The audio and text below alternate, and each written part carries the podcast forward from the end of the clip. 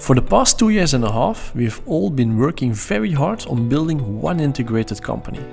Today, we are about to reveal our new IO brand to the market. In six dedicated episodes, we want to guide you through the progress we've been making together. Welcome to the IO Stories. Welcome to the sixth and final episode of the IO Stories. This time we're going to talk about the future and the next steps we will take in our brand story. With me are Shani Faika, Sam Bertelot, Roel van Aalst, and Hans Matta. Please introduce yourself. My name is Hans Matta and I'm Chief Commercial Officer at IO. My name is Sam. Uh, I founded Snackbites uh, six years ago and currently I'm responsible for uh, business development and content strategy on the Antwerp campus. My name is Roel, and I'm working on the IO brand and all the communication that comes with it. Hi, I'm Shani. I work at Campus Antwerp as a copywriter and a content manager. Welcome. Hans, uh, we'll start with you in September. So now we will take an important next step in our project. We're going to show IO to the outside world for the first time. Can you tell us a bit more about the plan? Yes, yes, very exciting times. So we will send out a press release in September telling the world we are IO and that all the brands are changing are morphing into IO. So it's an exciting step, and it's also for me, it's like more the an external kickoff moment of several things that we're going to do. So of course, in September we will launch a landing page, but we're working very hard with a big team on the new website, which we will launch in October, November. And when we have the new website in place, we have a good place to send our potential talents, our new customers, our current customers to.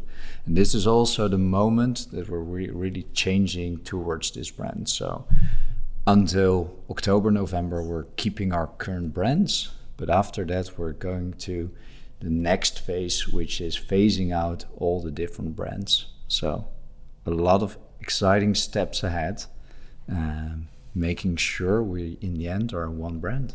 Okay, so I can summarize that I think in roughly four steps.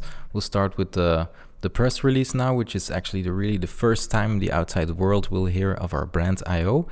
And then um, in October, November, a new MVP website. So not the full website yet, um, which will come later. And then um, an active communication to the market. And as a fourth and final step, um, migrating the brands uh, into the new brand. So yes, that that's correct. And in the fourth step, so we're keeping the brand websites and we're really integrating them into the new MVP website.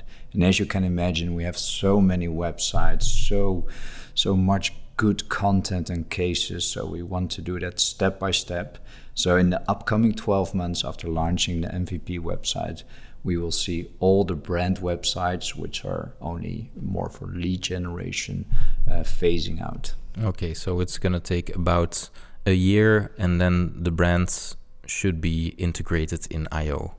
But in other words, uh, said it's not going to be a big bang, uh, and uh, it's important that everybody uh, knows that uh, it's going to be step by step transition. It's just the way we do things. Uh, we learn, we improve, uh, we improve.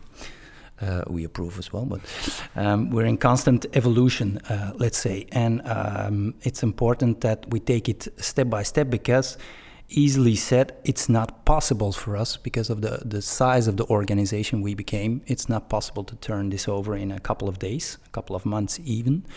Um, and secondly, uh, we think that uh, communicating several times on this can only strengthen the positioning and, and the project that we're doing instead of um, thinking that the whole market uh, is waiting for uh, just a rebranding, let's say. So that is not what we're going to do.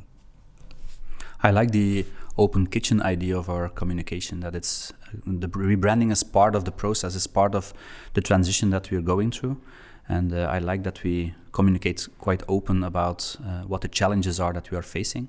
Uh, so I think having this rebranding as a part of the total process uh, is very interesting to communicate about. I also took a sneak peek uh, at the slides that accompany this podcast, and I think uh, some of the questions that we might have, or questions that I have, are answered in those slides. And if I'm correct, are also going to be a couple of videos answering uh, some frequently asked questions, even though they may not be asked at this moment yet. Uh, Shani, uh, over to you right now. You worked on the new brand and the story around it. Can you tell us a bit more about how that went? Mm-hmm. Um, well, of course, I didn't develop the new brand entirely, or I didn't come up with the new brand name. Um, what I did do was um, write uh, some parts of our mission and our values. Um, and of course, it's exciting to work for a company that allows its employees to actively participate in creating this new brand. It's it's really a story of all of us together. There's a lot of my colleagues who can also say the same that they were involved in the process. Um, so yeah, it's exciting. It's exciting. It's gonna happen uh, outside of our company as well. That we can all uh, start seeing we're part of the IO group. Um, but of course, it's uh, it's an ongoing process. Like Sam said, um, it's kind of the open kitchen. Everyone knows it's happening. We can start telling our clients it's happening. Um, but it's it's it's it's good that we're transparent about it. Uh, I feel like. Um, and like I said, it's a story of all of us, and uh, yeah, can't wait to tell it. And was it was it difficult to to help work on the new brand to to uh, find an agreement between you and all your colleagues and everyone involved? Um, well, of course, a, a, lot of people have to say a lot about a lot of different things. Uh, so, so my task was to kind of analyze um, and, and, come to the essence of what they wanted to say and, and really try to translate that into a clear message that's understandable for everyone. Um, so so it's challenging, of course, um, but it's yeah, it's it's a good kind of good kind of challenge. Um, She's too modest. She did a hell of a job. Um, there were no guides. There were no. There was none tone of voice guide anything. Uh, it was more an exercise of blending what there was between the brands into something new. And uh, as she said, that was a, a, a, big challenge. But we landed somewhere and we're happy about it. Yeah, and what I wanted to add is that as a founder of one of the companies, uh, I do recognize myself in all the values that we, for example, have been uh, pointing out. And I think everyone who is in the company will recognize these values. That's part of the acquisitions that we did that the, the people do fit uh, within this uh, within this company. But I think finding these values as a common uh, ground uh, is a, a, very good thing that uh, that came out of that exercise. Oh, okay. Um, and whoever wants to know more about those values, uh, you can listen or listen again to episode three because that's where we talked a bit more about those. You can find everything on becoming1.io. Sam, I'm going to stay with you for a while. Uh, not literally, of course, we don't know each other that well yet. Um, but you are and always will be the founder of Snack Bites. Uh, that's going to come to an end. How do you see the transition for your brand? Is it a big step? You're always welcome, by the way, to stay. Thank you. Um, uh, well, for us, it's a, it's an it's an important step, of course, but it's a logic uh, step that we take. We have been a part of the IO story for three years now. Um, we stepped into the story because we got questions from clients that they wanted to um, have extra services, and we wanted to keep our focus and our expertise.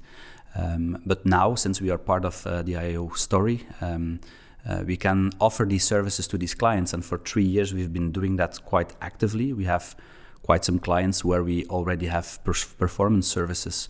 Uh, or we have a, a, website that has been developed uh, within the IO uh, company, and then uh, it's it's a logic step because if you come, to, um, uh, if you you get to a client and they see other people in the meeting that than only your own team, they start asking questions about who is that? That's someone from my value. That's someone from Profits, but you're one company. Uh, and so I think the, the rebranding is a logic step for us and for them. Uh, so I really look forward to that so that we have these little frictions of uh, having to mention brand names uh, of different companies uh, is gone because in the operations, we're already working quite well together. That will be boosted now because of the, the campus story that we have and the fact that we are working really physically together. Thank God we can go back to the office. Uh, so the, the boost of uh, having mixed services will only be bigger. Uh, so for clients, it's it's necessary that we have one brand to uh, uh, to that world. It will be a lot clearer then. Yes, and I think for the employees too, uh, for the team, that they have one brand that they can identify with. Um, and if they come into a meeting with a client which is not linked to their original company, it's one company. So I think that's uh, an important step to take. It's also easier in the templating ones. It we will have be one PowerPoint easier. template. yeah, if you but that's that's that's true, Hans. Because if you if you work with different expertises um, within Campus Antwerpen, everyone has his own templates, and you have to bring things together. One template, one brand, one name, one company. That's what I'm looking forward to. Roel, as uh, as Sam mentions, uh, a lot of things already happened, and people are really collaborating across companies, across campuses. Uh, but there are still a lot of things coming our way. Uh, how are you gonna take everyone with you in the coming months when it comes to branding and communication and everything you're so good at? Well, again, it's a step-by-step story. Uh, we're in. Um, we're moving constantly uh, forward, let's say, um, and that's um, going to be uh, internally and externally. Um, I think externally it's a very uh, important step in our project. Uh, we've been talking about it a lot uh, recent years internally, let's say, um, and I think uh, it's important that we create a kind of a, a very good vibe, positive vibe around it. it's it's about showing the added value to our customers. Um, our customers, well, in the end, if they don't want to change anything, they don't have to. They have a campus, they have a, a SPOC, they can uh, they can just continue their business. But on the other hand, it, it, will be up to us to show the opportunities, the richness of the the campus and the digital experts and other creative experts which are there. So uh, we can we can, uh, as Sam said, uh, offer more. Huh? So that's very important. On the other hand, it's still a story of uh, opportunities uh, for our own colleagues. Um, we're very diverse, and I think there, um, there are a lot of opportunities going uh, from a campus switch, a country switch, a functional uh, switch. Uh, I think uh, for personal growth, we are offering a lot of opportunities, but it's going to be in communication and other means that it will be upon us to show uh, that to everyone. Uh, we are a very large organization, um, but we uh, we are very down to earth. So we're gonna uh, try to involve, engage everyone.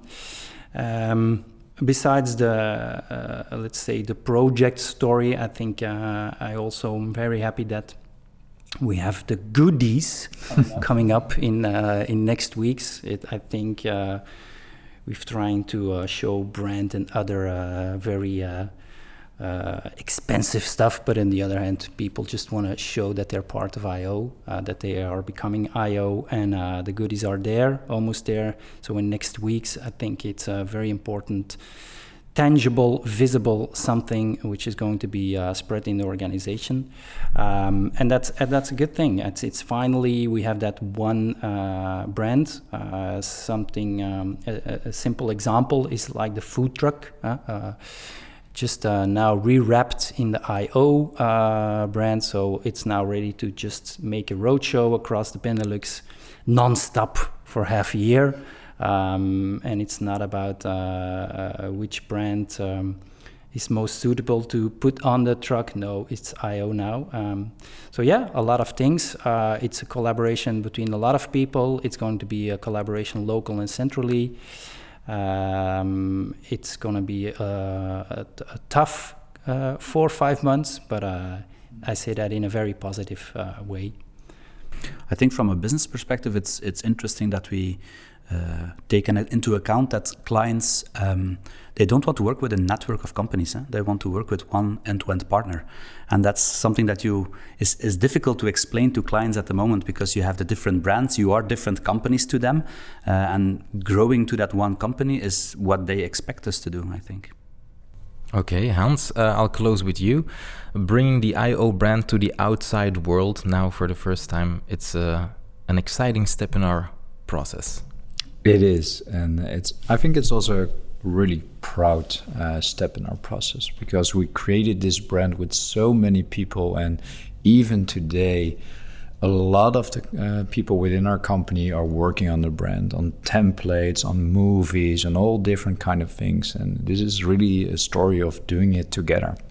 And I also think Sam just mentioned uh, about one brand and about the complexity of our uh, selling uh, stuff to our clients because of all the different brands. And for me it's it's the next next logical step because whenever I set foot in campus Antwerp for me it already feels like one integrated company. It, it is already one brand. So it's a logical step and I'm really really looking forward to sharing this with the world Thank you. That's a wrap on this final episode of the IO stories, but our story continues, of course. Thank you, Shani, Sam, Roel, and Hans, and thank you, Indra, for the technique.